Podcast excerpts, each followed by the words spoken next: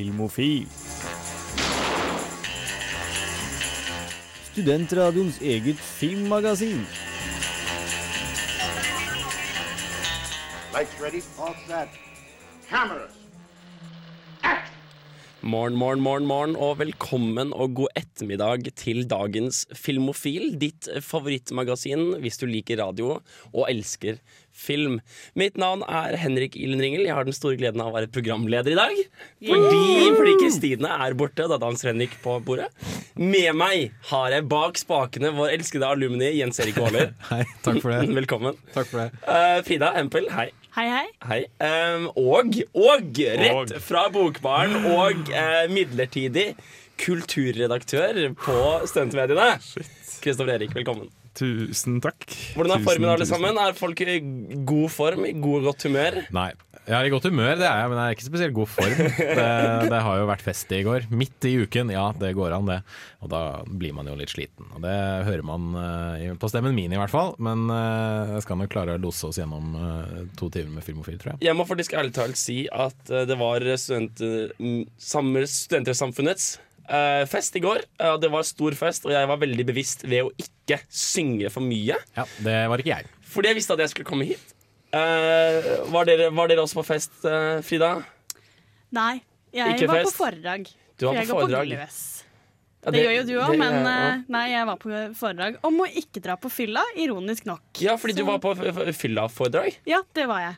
Det foredraget til Det var Studentsamfunnet Nei, ikke Studentsamfunnet. Unnskyld, Studentsamskipnaden. I Trondheim. Ja. Viktig å ikke blande de to. om, ja, som snakket om fyll i fadderperioden. Og hvordan man skal eh, inkludere alle. Så det var jeg på. God stemning, Kristoffer. Hallo, jeg satt hjem og hadde vondt i hodet, og så leste jeg om hersketeknikker. Ja vel, Eh, ja vel. fordi, ja, så jeg kan bruke det på andre folk. Nei, jeg skal bruke det i god bokbarnstil til en gang i framtida. Litt sånn, litt, sånn, litt sånn napoleansk tilnærming til, eh, til hierarki her på, her på radioen. Ja. Uh, jeg lurer på om vi skal prate litt øyeblikk om Jens Erik først. faktisk Jeg ser du prøver å vifte med fingeren der Men det er en Hæ? viktig nyhet for våre lyttere, nemlig at du har laget førsteutkastet til din master. Ja, det har jeg. Og det skal jo være en liten, liten applaus i studio. Takk, takk for det. Takk for det. eh, Helt Jeg kan, jeg, kan, jeg kan sette på denne også. Før vi setter Ja, der, ja. Nydelig.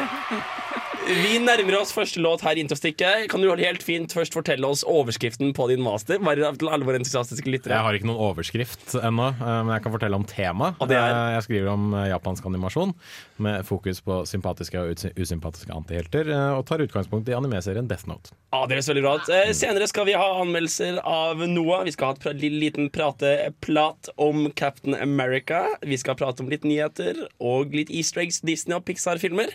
Først skal dere få Tune Yards med Nei, omvendt. Er det Water Fountain med Tune Yards? Nei, det er Tune Yards med Water Fountain. Water var, jeg var så på han. Eh, dere får Tune Det er artisten, og det er ja, okay, eh. Det er, det, er, det er ikke så lett. Eh, for- Nå får dere Tune Yards med Water Fountain.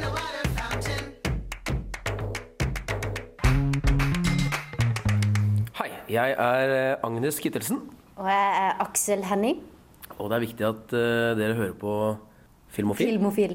Det stemmer. Du hører faktisk på Filmofil, så det er veldig godt jobba, faktisk. I studio har du Jens Erik, Kristoffer og Frida, og nå er det på tide med nyheter.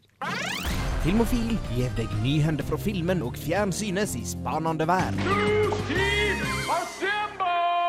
Mitt navn er selvfølgelig forresten Henrik, ikke det at noen ikke har fått det med seg allerede.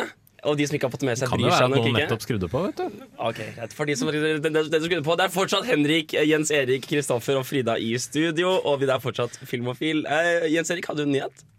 Det har jeg en ganske stor en også, fordi uh, godeste Amazon, som uh, vi mange av oss liker å kjøpe ting fra, deriblant jeg, uh, DVD-er f.eks., Blu-rayer, uh, dataspill, sånne ting, eh, de har nå bestemt seg for at eh, de skal ta opp kampen mot Apple og Google, og, eh, altså, og har annonsert en egen TV-boks som heter så mye som eh, Amazon Fire TV.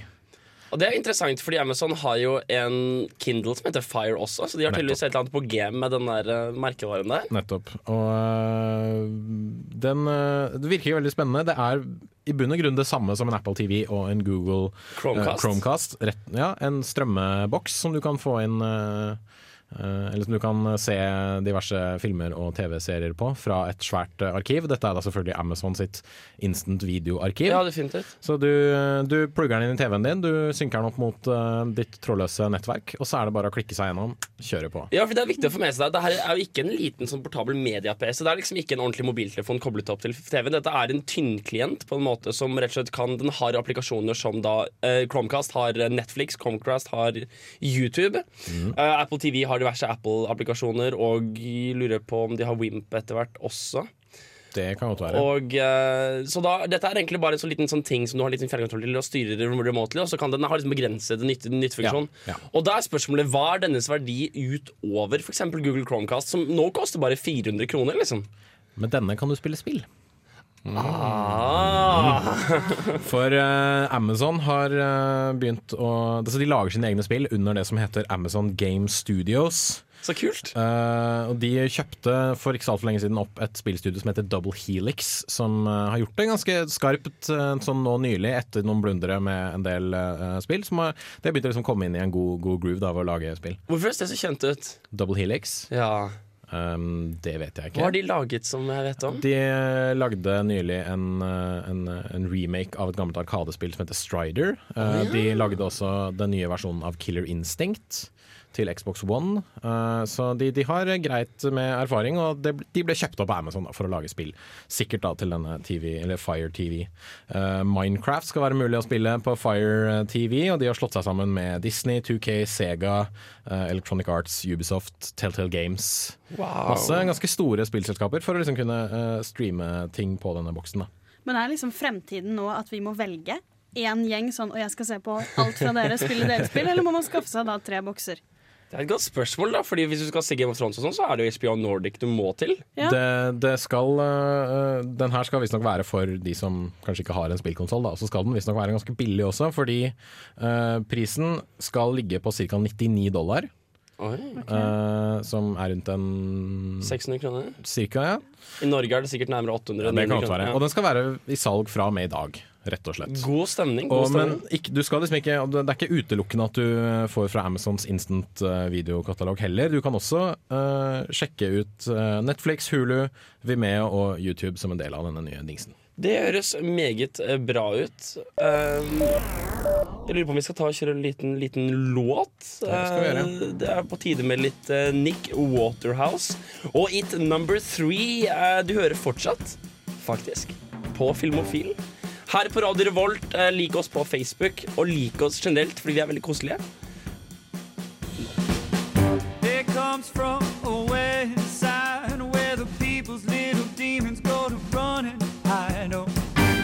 Velkommen tilbake til Filmofil. Jeg setter over til vår seniore nyhetskorrespondent Jens Erik. Yes. Eh, det er ting som kryper og går innenfor eh, filmens verden eh, for tiden. En av dem er at Rosa Panteren skal få lov til å komme tilbake som film igjen. Og noen, av oss har vært veldig glad i disse gamle Peter Sellers Rosa Panteren-filmene. De er kjempekule. Du kan gi deg nå. Henrik. og ikke minst, Rosa Panteren har jo også fått veldig mange animasjonskortfilmer Definitivt. knyttet til seg.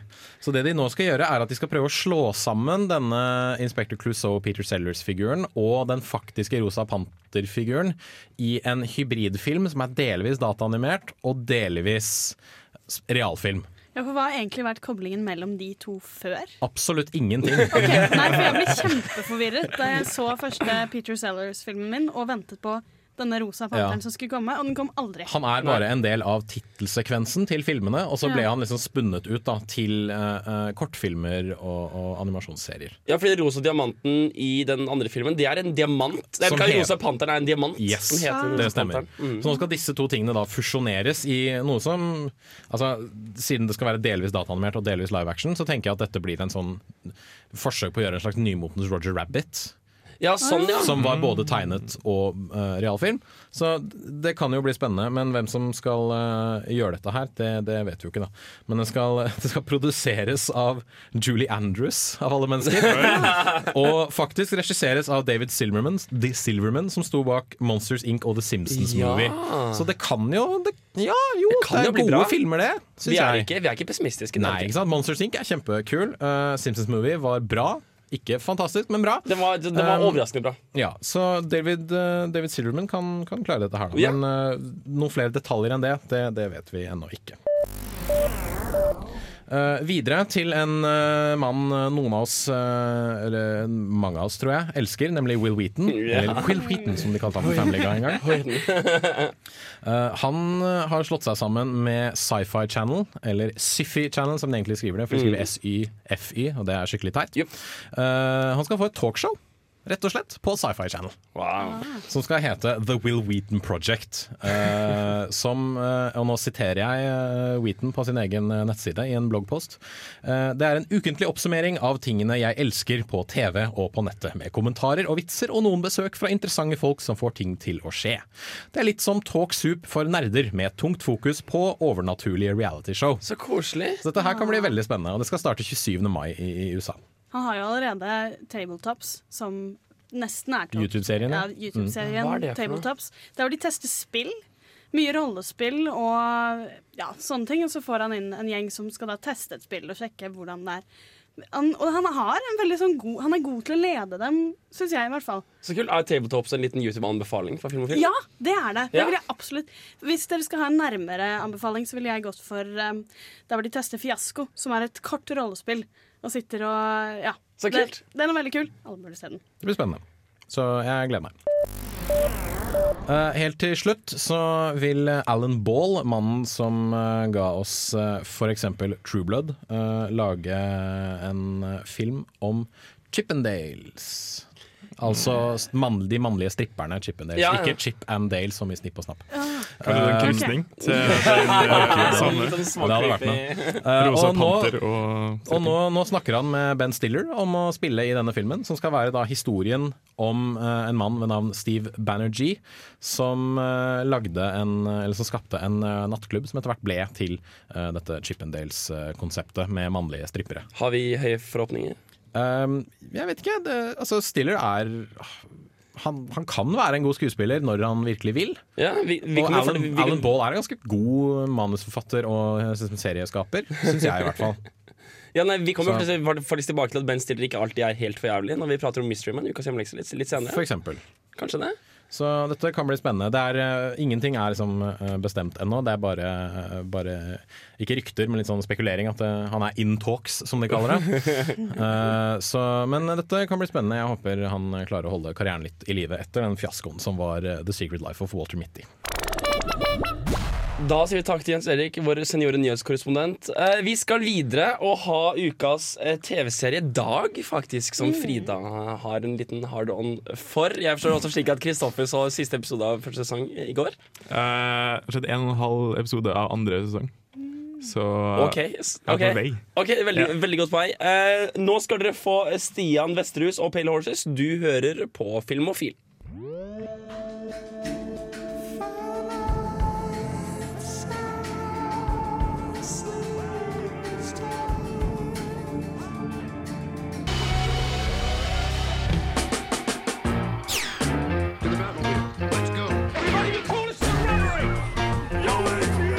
Dette er Filmofil.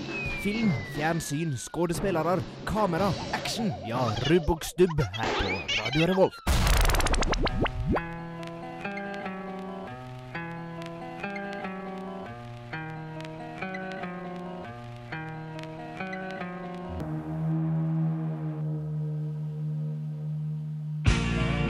Hei!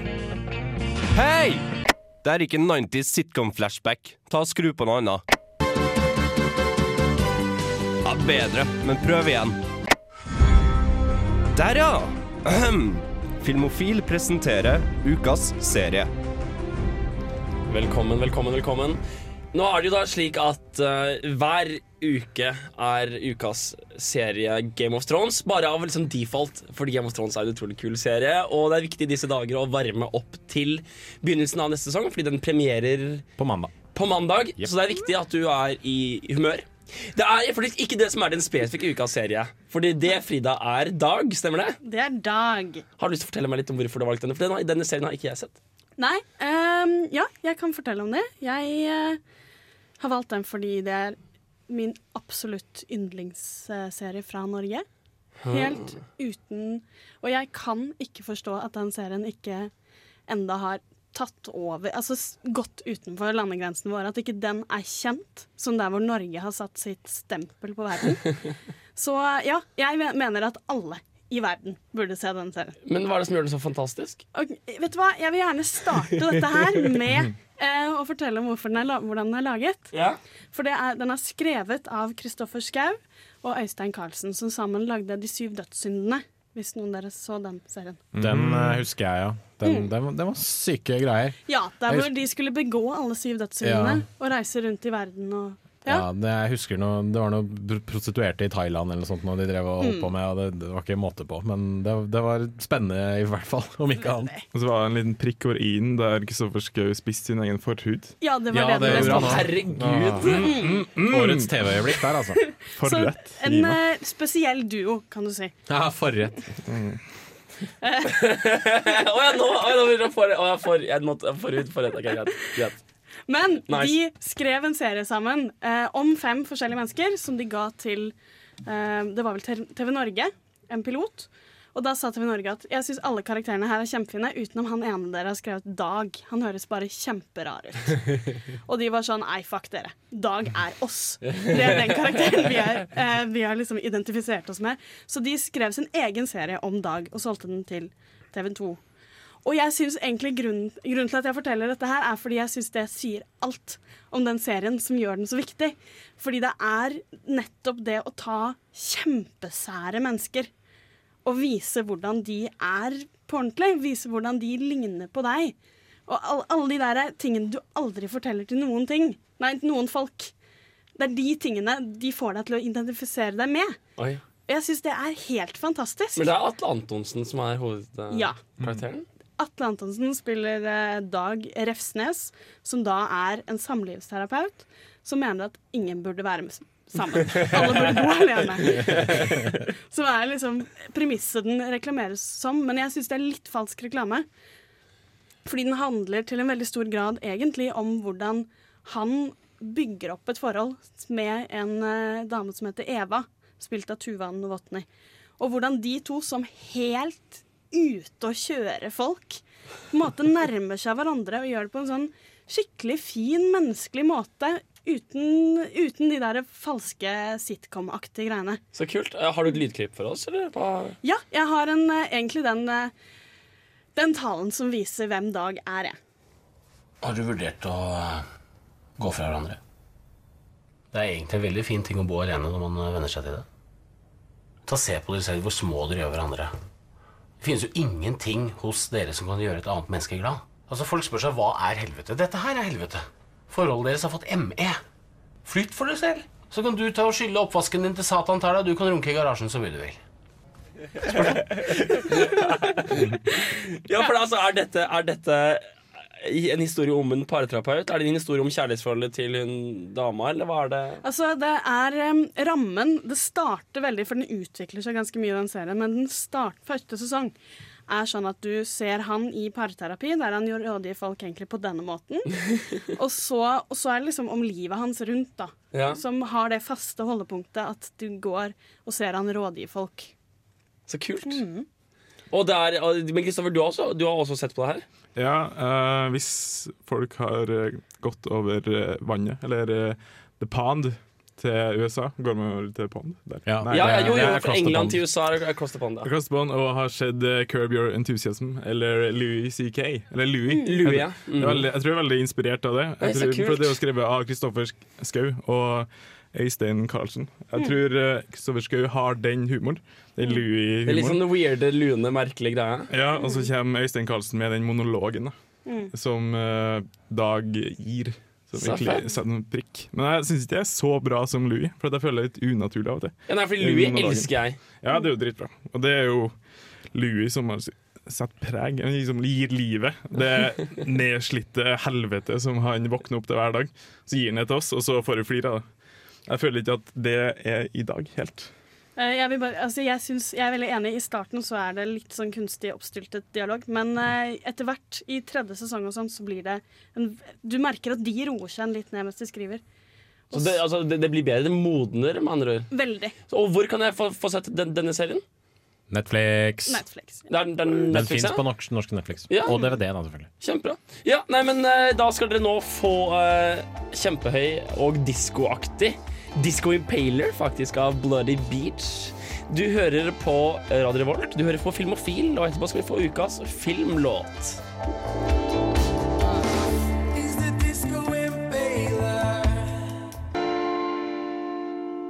Play it Sam. Det er jo alltid å ha musikk når den er påtent. Helst noe indisk eller pakistansk. Ukas filmlåt. Velkommen tilbake til Filmofil. Jeg håper du koser deg der du sitter og hører, eventuelt der du går, eller eventuelt der du kjører i fly, båt, bil, buss. Der du er. Der du er! Jeg håper ditt øre koser seg med vårt nærvær. Uh, vi har egentlig benyttet sjansen til å slå flo, to, flo, flo tluer i en smekk, rett og slett. Og uh, tenker å ha ukas filmlåt, Jens Erik, skal være Uh, Let It Go fra Frozen. Og vi har faktisk aldri anbefalt, eller snakket om, eller kritisert, eller kritiket kritikket eh, Anmeldt. Frozen overhodet. Anmeldt er ordet du leter etter. Fordi den eh, premierte var det, 25. november. Ja, noe sånt. Det var en julefilm, i hvert fall. Og det var etter at uh, Filmofil og Radio Volt tok uh, juleferie. Så da eh, har- Hvem, hvem her har sett Frozen? Hånda i været. det, er, det er ikke så veldig smart overfor lytteren at vi rekker hånda i været. Ja, eh, Kristoffer har ikke sett den. Nei, men jeg har gått på folkehøyskole med én person som er ei søster som synger i den norske Wow. versjonen i Kantus. La meg ta på deg. Oh, ja. Ah, ta på meg. Fett. Mm. Ah, det er så godt når du tar på meg, Henrik. Ja, nei, det, ja. Mm, Ingen årsak. mm, Radio radioteater er på høyt nivå. Uh, Jens Erik, likte du den? Eh, Å gud, som jeg likte den. Jeg uh, vil kanskje også si at jeg elsket den. Uh, Oi, det, er, det, er, det er veldig mange som sier at nei, den, det, er, det, er liksom, det er Disney på tomkjør og sånt nå. Det Mm. er jeg absolutt ikke enig i. Frozen er Disney på sitt beste igjen. Eh, de gjorde det veldig bra i fjor med Wreck-It Ralph, syns jeg. Og Frozen klarer virkelig å gjen, altså, fange den gamle Disney-magien, selv om det er dataanimert og folk syns det er litt uh, teit. Jeg syns dette var en, en nydelig film. Fra Ja, fordi uh, vi har jo en, vi har på en måte vår, vår resident Disney-entusiast. Frida? Ja. Jeg, vil- jo, jeg vil bare si siden eh, s, Fordi ja, det er Disney så bra som de har vært når de har vært bra. Mm. Men det er også Disney som viser at de faktisk fornyer seg i tankegangen sin. Mm. Lite grann. For den tar så mye av Disney-klisjeene og titter litt på dem. Bare sånn for eksempel at det er to søstre som er hovedpersonen. At du ikke har den prinsesse og prins og så fram og tilbake og fram og tilbake. Mm. At du har to prinsesser. Hun ene blir faktisk dronning. Det er bare en helt e Du merker at det er noe litt sånn moderne over hele greia. Eller som går bort fra den 50-tallsgreia som de har vært litt fanget i. Men det bør kanskje fortelles litt hva dette her handler om. da Eh, Det handler om, som Frida sa, to søstre, som begge er prinsesser, selvfølgelig. Fordi Disney har ikke hatt en prinsessefilm på en liten stund. eh, som eh, vokser opp i kongedømmet Arendale, som er delvis inspirert av Norge. I veldig, veldig stor grad. Med fjords og fjell og uh, og disse søsknene, uh, Elsa og Ana, uh, har det veldig gøy sammen. Eh, det spesielle med Elsa er at hun har noen magiske iskrefter. Hun kan skape is og snø. Som egentlig aldri blir begrunnet sånn veldig Nei, men det, det driter jeg i. Det, det jeg. Altså, Rapunzel har langt hår. Fuck det. Ja. Og eh, når Elsa en dag eh, eh, skader eh, Ana under lek, så blir hun skikkelig redd for å bruke kreftene sine igjen, så hun prøver hele tiden å liksom stenge dem inne. Da, og stenge seg selv inne. Ja. Uh, og liksom, Er dette en metafor for uh, pubertet og, og det å være innestengt og innesluttet og det å skulle finne seg selv? Ja, så til de grader. Og seksuell oppvåkning. Til en viss grad også. Uh, absolutt. Eh, og gjør dette at disse to søsknene glir litt fra hverandre? Ja, Mm. det gjør det. Eh, og når eh, eh, Ana til slutt konfronterer Elsa på, når hun blir dronning, når de, hun er 18, Elsa altså, så eh, avsløres det at shit, hun har ice powers, fordi det er det ingen som vet, egentlig. Mm. Eh, og så flykter Elsa av gårde til eh, fjellet og bare slipper ut en svær sånn snøstorm. Fordi da er hun så drittlei av å stenge, være Ja. innestengt. Da. Ja. Eh, og så må selvfølgelig da Ana redde søsteren sin og, og redde kongeriket. Ja, det skal sies at det er bare for å forklare dette plottet Ana glemmer det. Hun blir forhekset, Ja, sånn at stemmer. hun husker Ja. ikke. Så hun skjønner ikke hvorfor søsteren hennes plutselig Plutselig ikke vil leke med henne eller Mm. snakke med henne. eller noen ting. De blir sånn helt gjennom De har mye sanger om dører i denne filmen, som er veldig vakkert. Ja, det er helt enig. Det er helt enig. Det er veldig interessant det der med, med, med separasjon av når en utvikler seg og en annen ikke utvikler seg, og det med dører og hvordan man skilles fra hverandre. Eh, til slutt, eh, hvem, hvem, likte, hvem likte filmen så godt til å gi den en karakter? Jeg, jeg så den faktisk i forgårs. for Terningkast fem. Jeg vil også gitt den fem. Jeg vil jo faktisk gi den Kan jeg gi den fem og en halv? Jeg er fra den. Altså fem som liksom slår taket opp mot en sekser. Altså, altså sekseren rister på bordet? Den kiler på sekseren. Ja, ja. Nei, eh, du, fordi Jens Erik, du sa at uh, hun flykter fra slottet og opp i fjellene. Og slipper seg helt fri og dekker hele dalen i snø. Og dette er en nydelig overgang. Fordi, hva, hva skjer når hun gjør dette? Da synger hun. Dette er en ordentlig Disney-musikal, slik Disney-musikaler skal være, med utrolig catchy, herlige låter som fester seg på hjernen din og nekter å forlate, forlate livet ditt igjen. Eh, da, etter å ha sett Frozen, så hadde jeg soundtracket på hjernen hele tiden, og klarte ikke å få det til å gå vekk. Det, jeg hørte det da jeg sov, til og med. Uh, og her får du Idina Menzel som synger Let It Go fra Frozen. The snow glows white on the mountain tonight, not a footprint to be seen. Let the storm rage on. The cold bothered me anyway. Velkommen tilbake til Filmofil. Vi håper du gråter stille inn i puta. Jeg begynner å grine bare jeg hører den. Eh, For de av dere som går rundt med Filmofil på øret på podkasten, som er veldig lett å gjøre, eh, og nå eh, hulker høylytt på en eller annen Fretex eller Rema 1000 rundt om i landet Vi Beklager for at det er kleint for deg. Det er ikke sånn det er når det er film og du elsker det. Vi skal nå høre Aaron, Aaron, Vi skal høre Kristine Rokkan Eriksen, som dessverre ikke er her. Vi håper hun har det bra ute i Holmvik på tur. Vi skal nå høre Aaron Aron- Aronofskys seneste film Noah sin anmeldelse. Jens Hæ? Erik, har du Den liksom- du- den setningen har du snakka om litt. Anmeldelsen av Erin Aronovskis siste film Noah. Der, ja. Riktig. Kjør!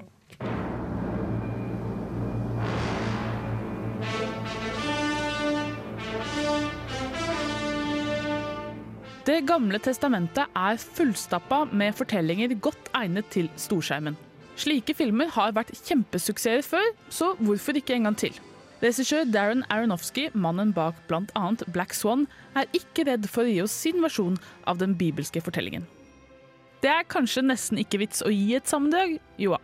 Noah blir valgt av Gud til å redde de uskyldige fra syndefloden ved å bygge arken. Aronofskys versjon inneholder mange flere elementer enn bare dette, selvfølgelig, men jeg må innrømme at jeg ikke kan nok om Bibelen til å greie å skille ut alle de originale. No. What did he say? He's going to destroy the world. My father said that one day, if man continued in his ways, the Creator would annihilate this world. Noah er en film som lettest kan sammenfattes med ja, men nei. For det første lønner det seg nok kanskje for både religiøse og ikke-religiøse å glemme at dette er en gjenfortelling av bibelhistorie. Jeg så på det nesten som litt sci-fi fantasy. Verden før syndefloden var nemlig mye mer magisk enn den vi kjenner i dag. Når mennesker ble kastet ut av Edens hage, fulgte også englene til jorden, og de ble straffet ved å bli omgjort til steinkjemper. Det høres kanskje litt absurd ut for noen, men disse og andre lignende elementer gjør filmen mye mer interessant enn jeg hadde forventet. Can it not be averted? He speaks to you. You must trust that he speaks in a way that you can understand. I saw water. Death by water. Noah og de andre menneskene er også mer komplisert enn en skulle tro. I den andre halvdelen fokuseres det veldig på tolkningen av Guds vilje, og her får begge de kvinnelige skuespillerne, Emma Watson og Jennifer Connelly, virkelig gjøre en innsats. Russell Crowe er som skapt for rollen Noah, og når tvilen setter seg igjen, ser vi hvordan det tærer på han. De elementene i filmen som ikke fungerer, er enten der manuset klatrer litt for høyt opp i prekestolen, eller det er lagt til ting som helt klart bare er der for å gjøre dette til en Hollywood-blockbuster. Slemmingen, spilt veldig bra av Ray Winston, føles til tider litt affektert.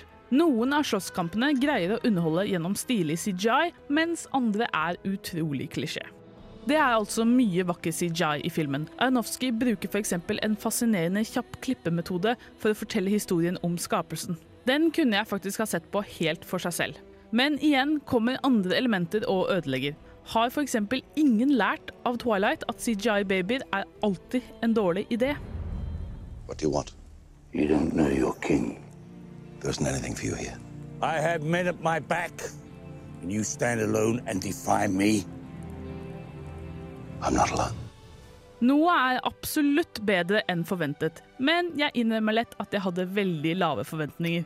Til tross for det syns jeg det er en god film helt av seg selv. Det er bare når den må ha med blockbuster-klisjeer eller lar preken gå litt over tid, at den blir direkte kjedelig. Men dette er ikke så ofte. Terningkast tre. Ja, det var da Noah, Kristine Sjokkan Eriksen, som gjorde en liten innsats der. Eh, Dette er en av de filmene vi må se bare fordi den er så stor og svulstig, og han der Aronofsky lager filmer som er så grandiose.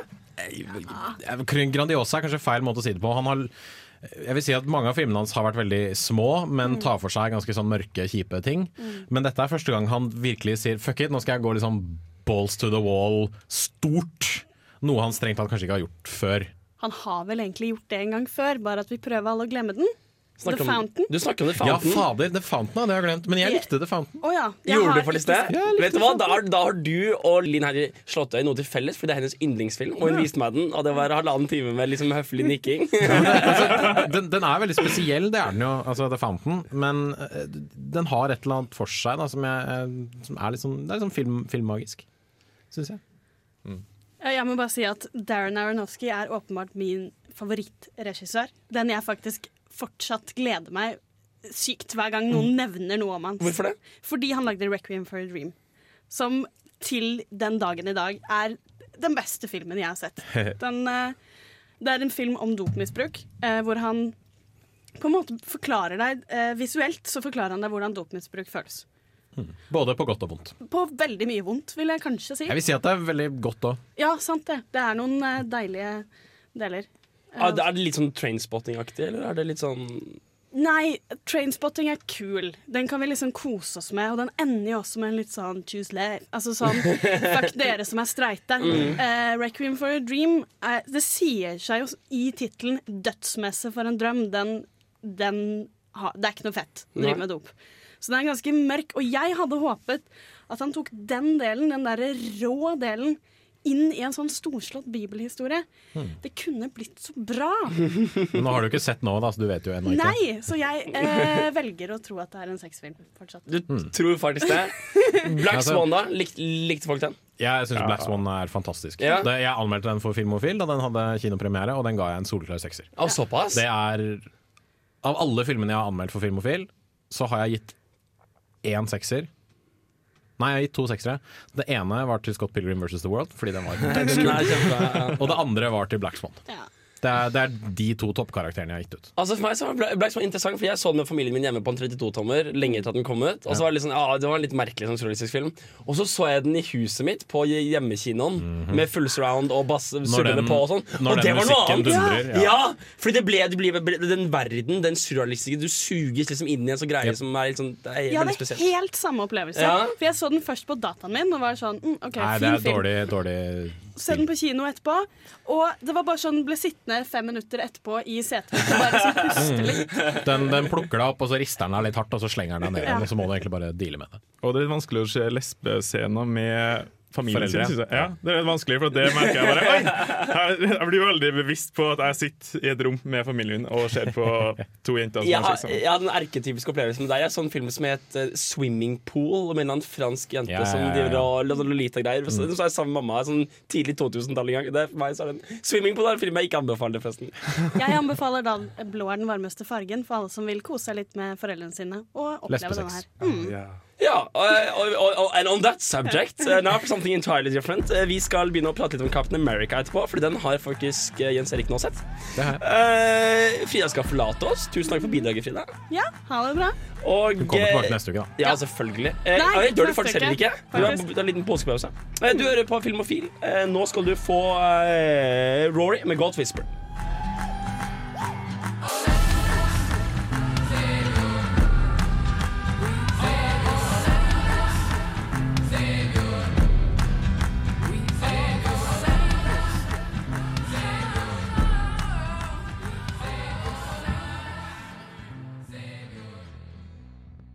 Morgen, morgen, morgen, morgen, morgen, morgen, morgen, morgen, morgen. Håper du koser deg. Eh, vi er fortsatt Filmofil. Mhm. Eh, Frida har forlatt oss. Nå er det jeg og Kristoffer og Jens Erik igjen. Og Mm. ettersom Kristoffer er fra Bokbaren, så Så, så tar vi tenker det- jeg å ta tar vi det litt ned rolig. Ja. Ja, så fint.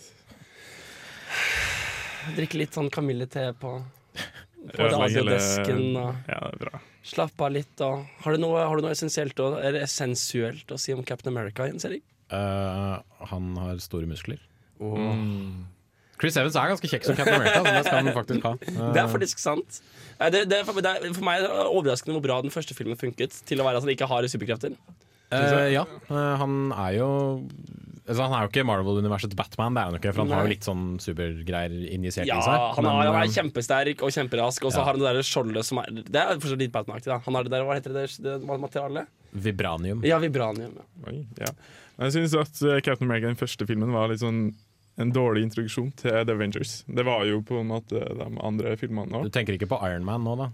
Første Captain America foregår i andre verdenskrig. eh. Ja, men det var jo den siste delen. ja, den eh, siste biten på slutten av filmen, ja. Det var derfor den laga den, vet du. For at ikke bare i Avengers så skulle plutselig Captain America komme opp Jo, det var en tie-in til Avengers, jo. Absolutt. Ja. Jeg tenkte det var derfor de laga den, så de bare klippa sammen et manus, og så bare hallo, sånn, ja. Men uh, Det tror jeg ikke. Nei, det tror jeg heller ikke. Dette, jeg tror Jeg- dette er bedre planlagt enn som så. Ja, altså. jeg, jeg, jeg tror også at det var greia var at uh, de hadde liksom The Avengers, og så lagde de et par skikkelig gode filmer til hver. Jeg, jeg, det er, for meg så er Avengers-serien faktisk eh, litt sånn unik med tanke på at det er ikke så veldig mye filmmasse. Det er hovedsakelig veldig selvbærende ting.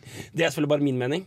Eh, Men du likte også eneren godt, Jens Erik. Jeg syns Captain America 1 var kjempe, kjempebra. Så hva- det, er, det er nok en av de beste Marvel-filmene, syns Ja, det er det som overrasket meg litt også. Men hva, hva, hva forventet du da når du gikk inn for å se Tårn? Eh, Captain America 2, jeg forventa en film som altså, Ok, vi, eh, jeg tar handlingen først, rett og slett. Uh, Captain America 2 fortsetter der Avengers uh, slutta litt. Grann. Eh, Captain America jobber nå for Shield. Som er eh, den store etterretningstjenesten i Marvels uh, tegneserieunivers og filmunivers.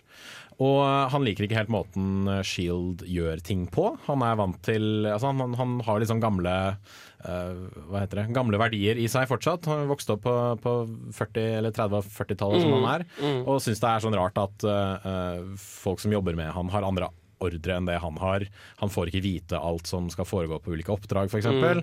Han liker ikke det at vi lever i et sånt overvåkningssamfunn. Da. Og Det Mm. er stort sett det filmen handler om, at han går litt i clinch med, med hvordan ting egentlig fungerer. Og så tror man på et tidspunkt at eh, Eller så blir eh, Shield angrepet, kompromittert, eh, ting begynner å skje, og da må Captain America sammen med Black Widow litt, gå litt ut på, på rømmen fra Shield og prøve å finne ut av hva som egentlig skjer. Da. Så det er et slags sånn moderne sånn spiondrama som er helt annet enn den derre uh, andre verdenskrig-filmen du fikk i den første Captain Mm. America. Så du må stille deg om litt sånn, da. Men det hadde jeg, jeg hadde jo forventet at det her kommer til å være litt mer sånn action, litt mer moderne uh, Ja, ja. greier. Og du får se Captain America Uh, ut på oppdrag og litt sånn litt på rømmen også, da. Det høres jo veldig kult ut, da. Ja, det er det faktisk. det er det, fordi de klarer å vise eh, de viser at Captain America er en utrolig ressurssterk fyr. Han sakte, men sikkert prøver å integrere seg inn i det moderne samfunnet.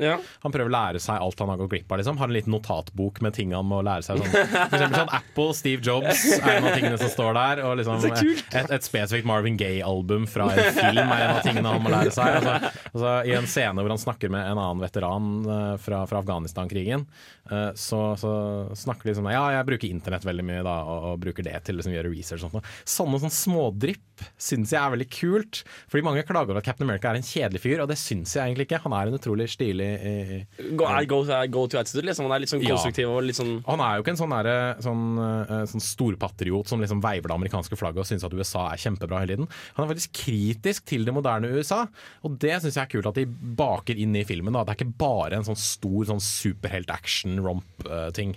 Det er en ny ting med Captain America, for at i tegneserier som jeg kjenner den fra, så er den jo veldig endimensjonell. Eller i hvert fall i den Spiderman-serien som gikk på Fox Kids. Ja, da var han veldig endimensjonell. Ja. Men uh, jeg føler at de, de, de klarer å liksom avrunde han litt da, og gjøre han litt mer fyldig som, som, uh, som karakter. Ja, jeg, jeg må jo si at jeg syns at Captain America-tingen var uh, Jeg likte godt hvordan han på en måte begynte som en litt sånn nerdete unge, og så, og, så, og så blir han superhelt, og det gir han på en måte en viss dybde. For han har på en måte den Mm, vanskelige mm. oppveksten, og så har han den Han er veldig patriotisk innerst i hjertet. Ikke fordi han har lyst til å være kul eller virke kul, han bare er veldig glad i, den, i det idealet Mm. som Og det farget vel første filmen. Eh, og til slutt, syns du, syns du det funket? Jeg syns det funker veldig bra. Uh, vi kan snakke litt mer om det etter en låt. Så gjør det. Ja. Vi gjør det. Nå får dere Kevin Gates med 'Wish I Had It' her på Radio Revolt. Du hører på Filmofil. Anything lost can be found again except for time wasted. A vision without action is merely a dream. Datpiff.com world premiere. Action is the grind, it's the hustle. The Og mens Kevin Gates sakte gjør seg ferdig utover hele miksebrettet sitt, så prater vi videre om Captain America, stemmer ikke Yes. det, Erik? Captain America The Winter Soldier, eller Captain America 2, som den også heter. Uh, som eh, fortsetter historien etter at Avengers uh, sluttet om Captain America. Eh, og det som har skjedd med Captain America, er at de har, eller med filmen, er at de har byttet regissør fra forrige film, som var eh, Joe Johnston. Han eh, er veldig god på sånne eh, periodefilmer, som Ja. Captain America The First Avenger var. Den var jo faktisk det. Ja, og nå har de gått over til Russo-brødrene, som kanskje mest kjent Eller som er kanskje mest kjent fra uh, bl.a. Arrested Development og Community. Ja, så kult. Komiserien Community. Så de er, det, det, push, det, det dyttes inn en del humor i manuset, og det dyttes inn en del sånn, sånn ja, god sånn prat mellom de ulike uh, uh, figurene. Og manuset er veldig sterkt, som er skrevet av Christopher Marcus og Stephen McFeely, som skrev The First Adventure uh, og Thor The Dark World. Så de har, liksom, de har god erfaring fra dette her. Da. Og spesielt forholdet mellom Black Widow, og, spilt av Scarlett Johansson, og Captain America, spilt av godeste Chris Evans, er veldig kult, fordi du skjønner veldig fort at de er ikke, med, de, de er ikke ment å skulle være liksom forelska i hverandre. Eller sånt, Nei, for han, han liker ikke helt måten hun gjør ting på, for hun har liksom tidligere vært leiemorder Ja, ja. og har mye liksom svin på skogen, da, for å si det sånn. Hun er liksom black.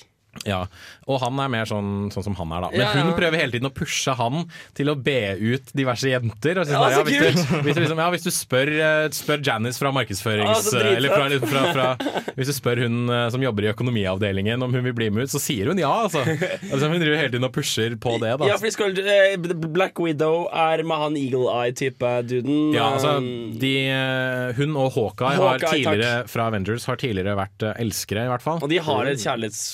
Latent eventuelt kjærlighetsforhold. Så det er, dette er, ikke, det er, det, er det ingen romantisk tråd i den filmen? Eh, det er lite grann. At liksom, hun prøver å pushe han eh, på, på uh, en jente. Men det er et spesifikk jente, eller er det liksom vennskapet deres som er tråden? Uh, Det er litt mest vennskapet deres som er tråden. Og det, er en sånn, det blir en sånn running gag da at hun hele tiden sier sånn Ja, men hva, hva om du spør hun, eller hva om du spør hun der? Og liksom, sånt noe. Det, det syns jeg er kjempetøft. Og Scarlett Johansson og Chris Evans har en ganske bra kjemi, syns jeg, som. Som disse to figurene. Det funker veldig bra, da.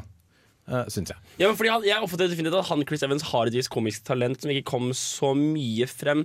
Det kom litt frem i et par øyeblikk i Avengers-filmen, og det kom litt uh, frem Mm. Jeg, For eksempel hans cameo i Thor 2. Yes. Det, var, det, var, det satt så utrolig godt.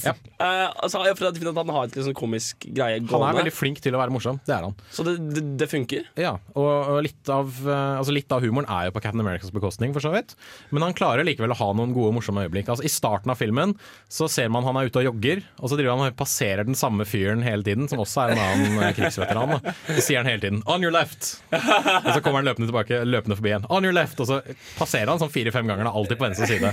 Og så etter hvert så blir jo han fyren skikkelig frustrert over at han alltid kommer løpende med sier 'ja ja, på venstre side', greit, bare løp', liksom. Uh, og det kommer tilbake igjen da senere i filmen, Så når- kult. om at eh, 'on your left' Ja, ja. eh, hele tiden. Så, Så det er du, du, det er en varm anbefaling? Varm anbefaling. Terningkast fem. Terningkast fem. Ja, nice, nice. Uh, og um, den setter uh, Altså Helt på slutten av filmen så setter den en ganske uh, Den setter uh, åpenheten for Captain America 3, som jeg tror blir veldig kult. Og ikke minst så setter den en ganske god forventning for Avengers 2. Vi gleder oss veldig. Som jeg gleder meg til. Ikke bare Avengers 2, men vi gleder- gleder oss også til Guardians of the Galaxy. Og når, når kommer Avengers 2 Guardians of the Galaxy? Uh, Avengers 2 skal vel være til neste år. Guardians of the Galaxy er i år en gang. Uh, august Oi. cirka. Hmm. Så det blir spennende. Ja, Neste eh, kapittel da i Marvels. Kristoffer, skal vi gå og se Captain America etterpå? Ja, gjerne. vi blir nesten nødt til å gjøre det. Nå skal dere få eh, The Drops. Eh, de skal spille Atalante. Eh, du hører fortsatt på Filmofil, og det er vi selvfølgelig veldig glade for. For vi koser oss veldig, og du koser deg. Eh, ja, musikk.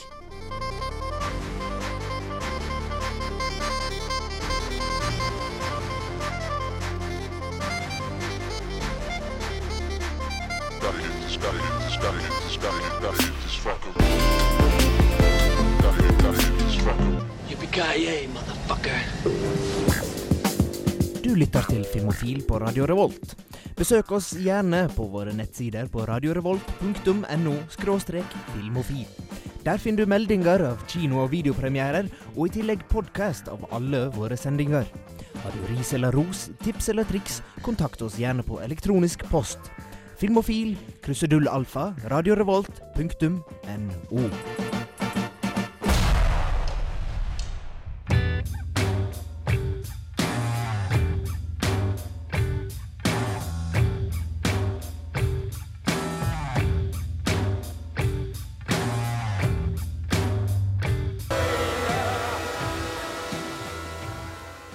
Et program i burra med både klasse og stil. Du hører på Filmofil. Velkommen tilbake til uh, Filmofil. Der fikk du faktisk uh, Forrige låten var Svanse. Swans. Swans. A Little God In Our Hands. Jeg synes det var en kul låt. Jeg. Ny på A-lista her på Radio Volt. Vår musikkredaksjon gjør Not bad. Not bad. en heidundrende innsats. Litt videonytt. Nytt i videohylla.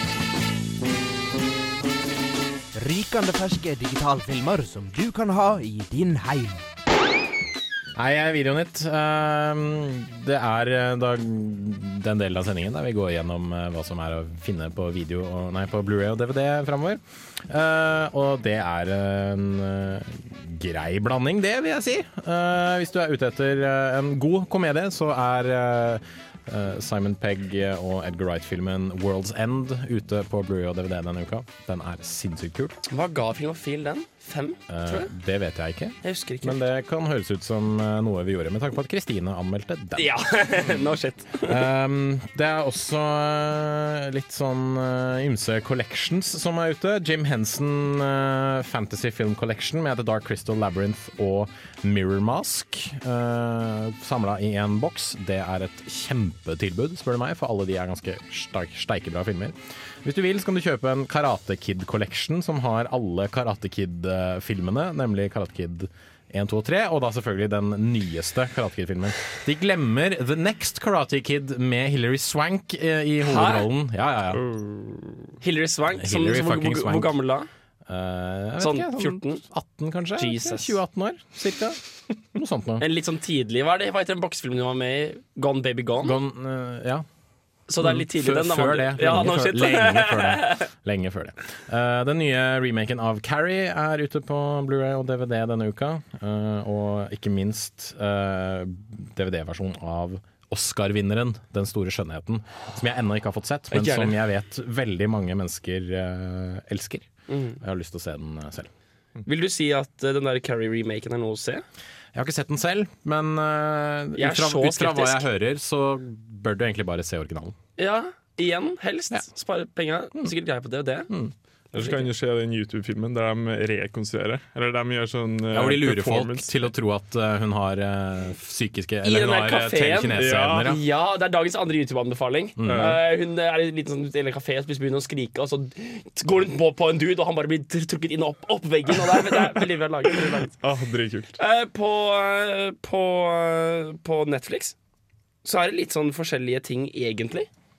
Jeg lurer på om vi skulle ta en liten, eh, liten eh, låt. Vi tar en litt sånn kjapp liten sånn videonytt, og så tar vi en litt, litt mer videonytt. uh, nytt, uh.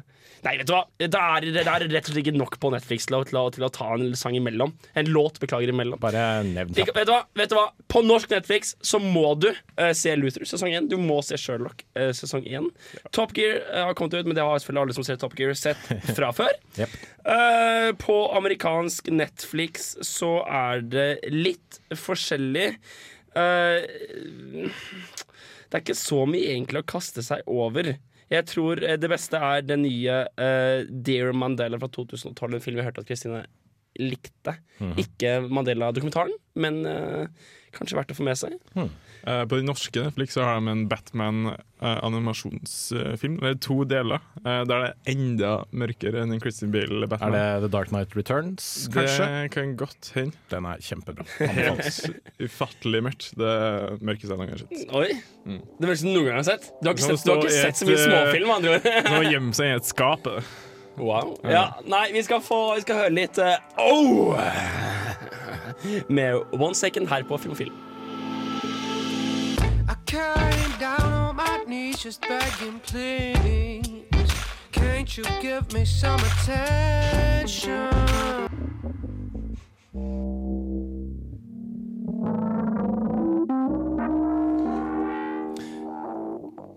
Det var en inter interessant låt. Ja, en veldig interessant avslutning. Dårlig i magen. Å oh! oh, ja, det forklarer bandnavnet! Åh Det er litt sånn, ja, alle, alle deres låter slutter sånn. Jeg tror det er mer Au! Fordi det er soul-funk-greier de spiller. Åh. I hvert fall, eh, Vi skal faktisk prate bitte litt. Altså Nå som vi så Frozen, så kom jeg, kom jeg egentlig litt på at vi har en del sånne derre cameos, eller som, du kaller det, som det heter easter eggs, i både Disney egentlig, og Pixar-filmer. Var det noen som så noen easter eggs i eh, Frozen? Eh, kanskje ikke så mye i Frozen i seg selv, men eh, Jo, eh, jo, jo, Rapunzel- herregud, selvfølgelig. Det nevnte jo.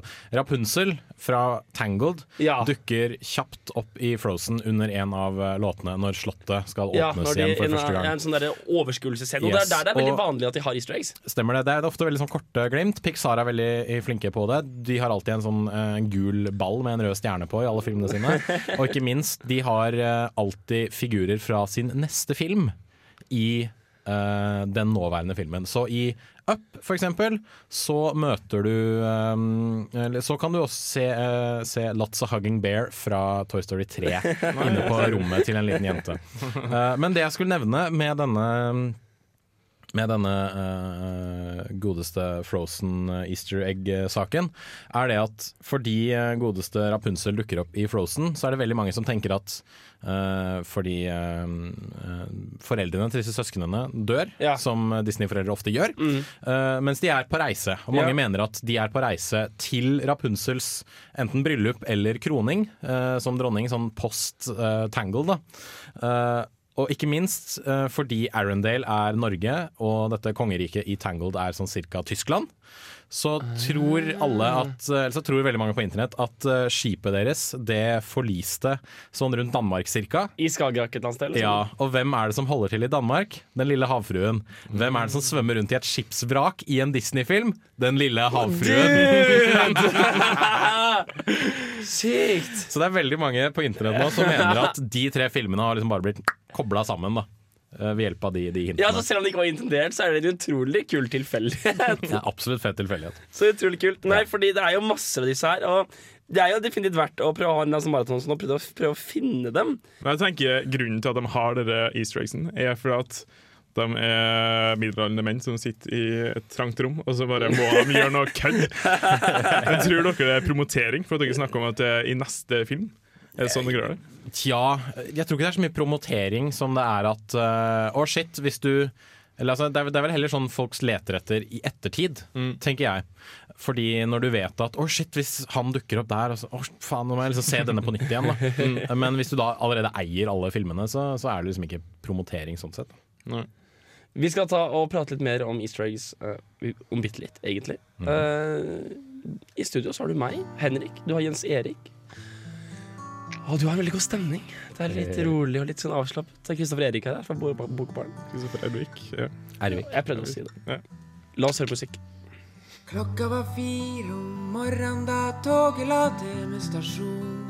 Og hadde blitt vekt av telefon da det var 20 minutter Paris.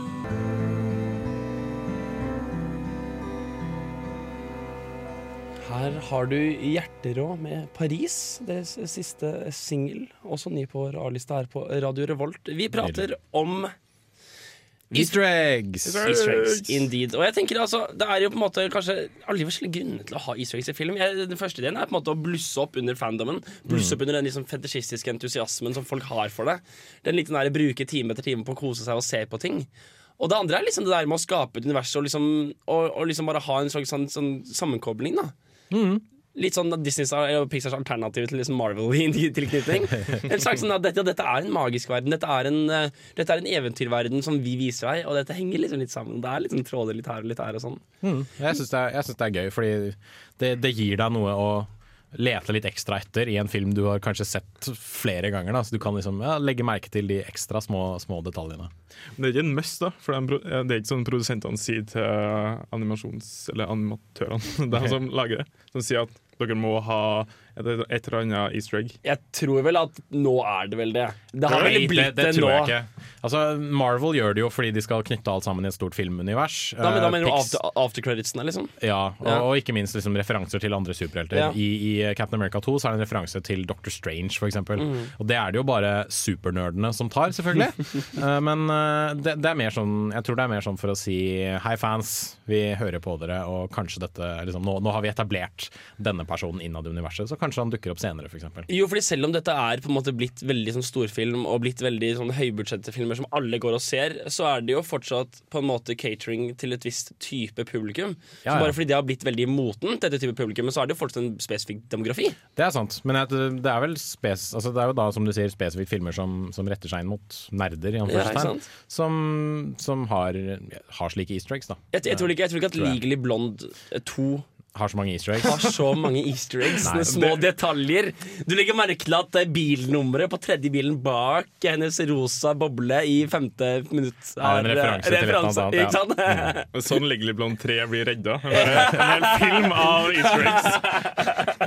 Sitter i en sånn time med åpen munn og bare Jeg tror jeg tok denne referansen. Tror jeg. Men hva var det du nevnte med Totoro? Jo, uh, Hayao Miyazaki, som nå har eh, pensjonert seg, en av verdens beste animasjonsregissører, vil jeg påstå. Han lager kjempebra animefilmer, og sjekk ut alt han har lagd. Uh, han har laget en film som heter uh, My Neighbor Totoro, Min nabo Totoro. Og Totoro, et lite sånn fjelltrollfeaktig vesen, hadde en, en gjesterolle, en cameo, i Toy Story 3. Eh, og det var fordi John Lasseter, som er sjefen for Pixar, og nå litt sånn sjef for, for Disney, Ja. uh, er veldig god venn med Miyazaki.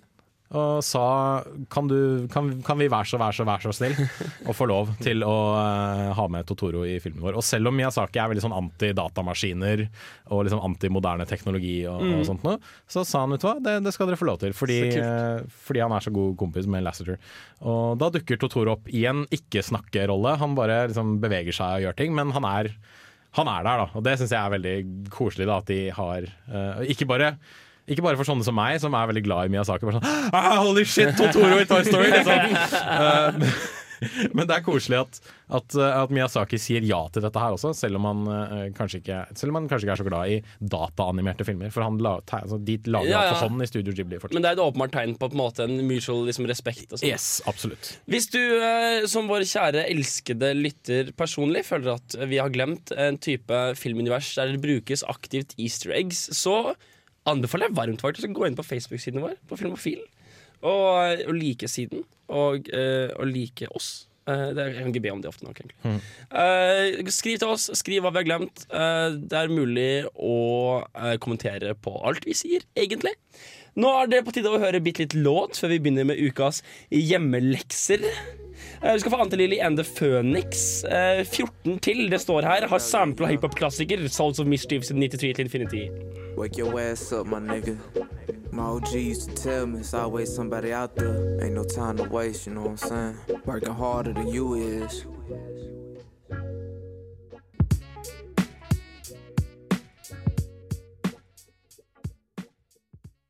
minute. Wait a minute. You ain't heard nothing yet. Wait a minute, I tell you. Listen to them. Lydbilder her på Filmofil. Eh, Henrik bak stemmen, eh, Jens Erik bak eh, knaggene og Kristoffer bak eh, sine bokbriller. Og generelle vanvittige swag. Mm. Eh, disse to meterne er omtrent som der jeg kan stå før jeg bare blir i knærne. Vi skal prate litt om siste ukes hjemmelekse. Eh, jeg har sett halve Mystery Men. Jens Erik har sett hele Mystery Men for Oh, yes. en stund siden. Og Kristoffer visste ikke at det var hjemmelekse. Han burde forstått bare ha kopiert notatene sine fra en medkamerat. Men Burde det- sitte i hjørnet, egentlig. Skam meg. Egentlig Skal du bare gjøre det i stikket her, eller blir det feil? Uh, jeg kan være der og si Du dumme kan, ting. ja, du kan, ja, ikke sant, ja. Jens Erik, Mystery Man. Ja, det er en superheltfilm, og jeg liker superheltfilmer. Men det er en veldig annerledes uh, superheltfilm. Og eh, igjen, i likhet med veldig mange superheltfilmer, så er den basert på en tegneserie, så vidt jeg vet. Men det kommer ikke sånn kjempegodt fram i filmen. Men det handler om en, uh, en gruppe, en broket forsamling eh, superhelter. Som har ganske merkelige evner, sånn egentlig.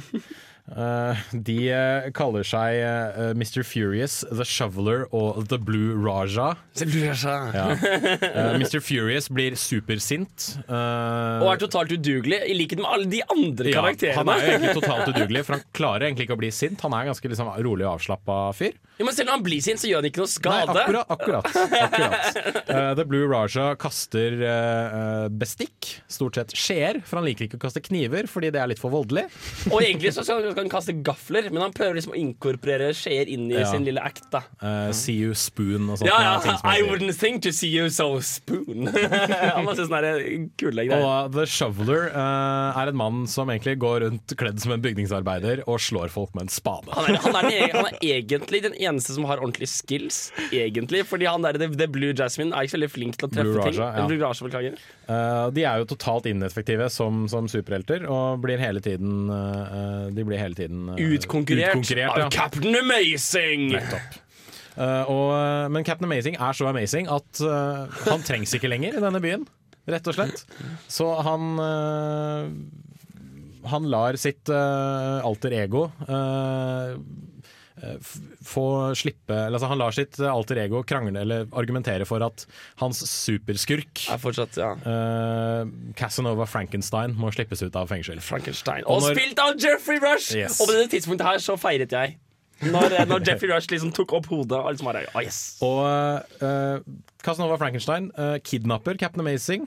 Eh, setter han i en sånn torturstol, og så kommer da disse Mystery Men-folkene og klarer å ta livet av Captain Amazing. Og selvfølgelig klarer de det. Og det er jo liksom morsomme sånn Og da sideplott. må de redde dagen, da. Ja, ikke sant? Det er litt morsomme sideplott. uh, Um, nå visste du nå forstått ikke jeg sett langt nok til å vite at de drepte Captain Amazing, da, så det er klart du faktisk å spoile ja, i ukas hjemmelekse. Ja, men men det er er, ikke- det er ikke så langt Men meningen er også at man skal uh, ha sett filmen når man kommer til dette stikket her, så da er jeg veldig velfortjent. Og det er interessant hvordan dette er på en måte en film med Misfit superheroes, eh, som egentlig jeg føler er en Altså, den filmen er jo fra Nå er den fra 1990 et eller annet. Ja. 1999. Og det er jo først nå i sånn slutten av 2010-tallet at I begynnelsen av 2000 og holdt på å si 10-tallet at uh, sånne Misfit superheroes er i moten. Mm. Med Super og, eh, og godeste Den andre sekserterningkastet ditt. um, Scott Pilgrim. og det er liksom en del sånne, sånne type filmer. Også den der med de der fire ungdommene som får Misfits. Ja. Her her sitter alle filmtingene som skarpt hos Jens Erik, ikke hos meg. Er ikke Ralph Wilson han fra The Office som har en slags film? Er det Kick-Ass? Nei, Ja, jeg jo Kick-Ass, ja. Og Kick-Ass 2. Og det er, Eh, Super er Rain Wilson fra The Office. eh, tenker. Ja, det stemmer. Ja. Men også. Men Kick-Ass var, det- var, var bra du nevnte. For alle dette her er på en måte i moten som sånne veldig sånne misfit-superheltfilmer. Vil du si at dette Mystery Man er en slags prequel til det?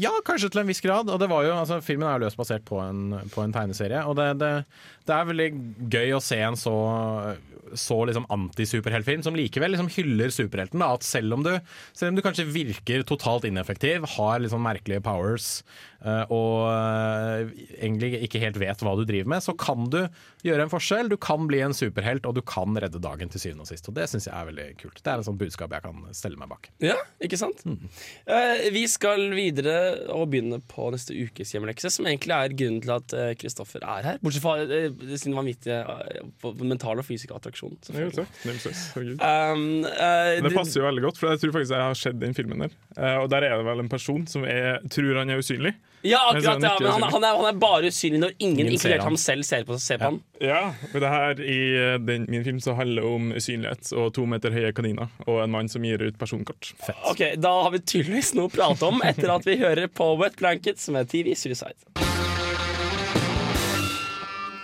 Litt fet australsk garasje-rock der Yeah. fra Wet Blankets. Eh, Kristoffer har som tidligere nevnt kommet fra Bokbadet, som jeg liker å kalle det for. Bokbarn for dem som ikke dytta inn Som slutta å dytte inn q-tipsen når det ga motstand. Så heter det Bokbarn. Men for deg, Henrik, kall det. Bokbadet. Vær så Eh, god. og ettersom dere er så, eh, så uh, kulturelle, så tenkte jeg at vi skulle ta mye sånn som på operaen. Hvis du kommer to timer tidlig, så får du en full gjennomgang av hva operaen skal inneholde. Nå skal vi få Kristoffer sin eh, gjennomgang av liksom essensen, ideen bak neste ukes hjemmelekse. Kristoffer, hva tenker du når jeg sier Harvey? Harvey uh, Jeg tenker på John Green. For dem som ikke vet hvem John Green, så er det en YouTube-kjendis. Jeg tror det er han som skapte YouTube-kjendisfenomenet. Han tjener penger på å gi ut bøker og prate skit uh, på YouTube. Og blant annet snakke om bøker og film. Og så prater han om en film som uh, favorittfilmen hans. Som han bare Han var veldig nedfor en gang, og så var det en kompis som sa 'Se Harvey'. Herregud, det er verdens beste film. Og så bare «Nye, nye». Og så gjorde han det, og så tenkte han Hvor har jeg vært hele livet mitt? Det her er magi. Og det er det jo på mange måter òg. Harvey, uh, der er det en person som er spilt av James Stewart. Kjent fra en del Hitchcock-filmer. Veldig mye Hitchcock-filmer, ja. Mm. Rear Window, blant annet. Rear Window og Vertigo, i hvert fall. Og The Rope. The Rope. God mann. Han er veldig karakteristisk som, karakteristisk som person. En litt sånn gammel mann. eh, Litt, eh, Litt sånn traust. stemme. Litt uh, traust, ja. Men i Harvey så spiller han en mann med frakk og hatt. Som går rundt og tror han er bestevenn med en usynlig to meter høy kanin. og det her er laga i 1950. Wow. Han, James Stewart i filmen her heter Elwood P. Dowd. Og han er arbeidsløs, men han bor sammen med søstera og niesen. De lever på foreldrene sin arv. Og søstera og niesen er ikke så veldig glad for at han eh, tror han ser en to meter høy kanin. De er veldig opptatt av å være sosialt akseptert og være normal. Og Så det, det er en clash der, da. En clash. Hvorfor valgte du filmen? Hva er det ved den som er Eh, fordi den er veldig enkel på en måte, men veldig hyperintellektuell. Hvis jeg skal trekke noen linjer til andre ting, så er Don Quijote, som handler Mm. om en ridder, eller det handler om en mann som tror han er ridder, og så går han og fekter mot dverger og sauer og vindmøller. Og det er litt sånn her òg, men eh, det er mer uh, god filosofi. Det handler om at uh, hva enn du tenker og tror om verden, så er det viktigst hva du gjør, ikke hva de andre rundt deg bestemmer. Så kult. Og så er den ekstremt godt laga til å være fra 1950. Av sånne gamle filmer så tenker jeg på Stumpa og sånne ting. Og, og det er ikke Stumpa i det hele tatt. Det er helt ekstremt godt skrevet. Det er ei som heter Mary Chase, som hovedsakelig laga som et skuespill, men som ble omgjort til eh, film. Ja, ja, ja, Tror ja. har fått Oscar for noe, og så har den 8,2 på IMDb. What?! Jesus. ganske Det, det er tydeligvis en must watch. Da. Det er faktisk det er ukas hjemmelekse. Mm. Uh, hvor, hvor kan jeg se den? Ligger den på Netflix eller noe? Vet du det? Det vet jeg ikke. Nei, jeg tror faktisk ikke den Du kan låne den på biblioteket. Ja, Flåtte biblioteket, eventuelt eh, Antallet er så gamle at det er mulig å få tak i gratis en nedlasting. Da har dere alle sammen noe å gjøre til eh, neste uke. Jeg vil også nevne at det er, eh, det er også Samfunnets filmvisning Boogie Nights på søndag. Så alle som er i Trondheim på søndag, bør stikke innom og bli filmklubbmedlem. Anbefales. Det, det gjør vi. Det er en liten opplevelse å se sånne filmer. Uh, nå skal dere få Woodland med Making Me her på Radio Revolt. Håper dere koser dere, og at du koser deg.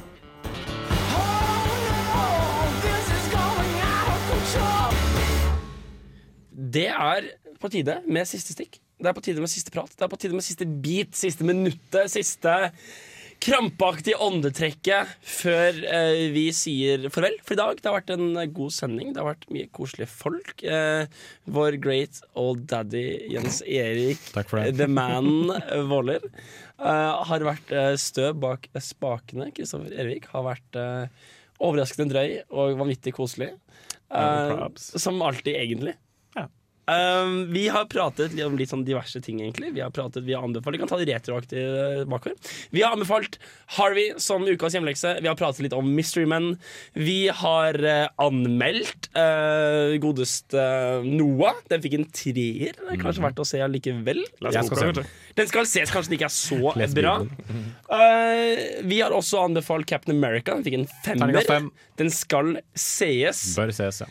Og eh, ja Er det noe mer å si, egentlig? Se Frozen, den er helt fantastisk. Ja, se Frozen, herregud. Uh, Se Dag, det var ukas TV-serie. Se Dag var ukas TV-serie. Er du gal? Dette har vært uh, Filmofil. Kom tilbake, lik oss på Facebook. Vi ses neste uke klokken tre. Ha det bra!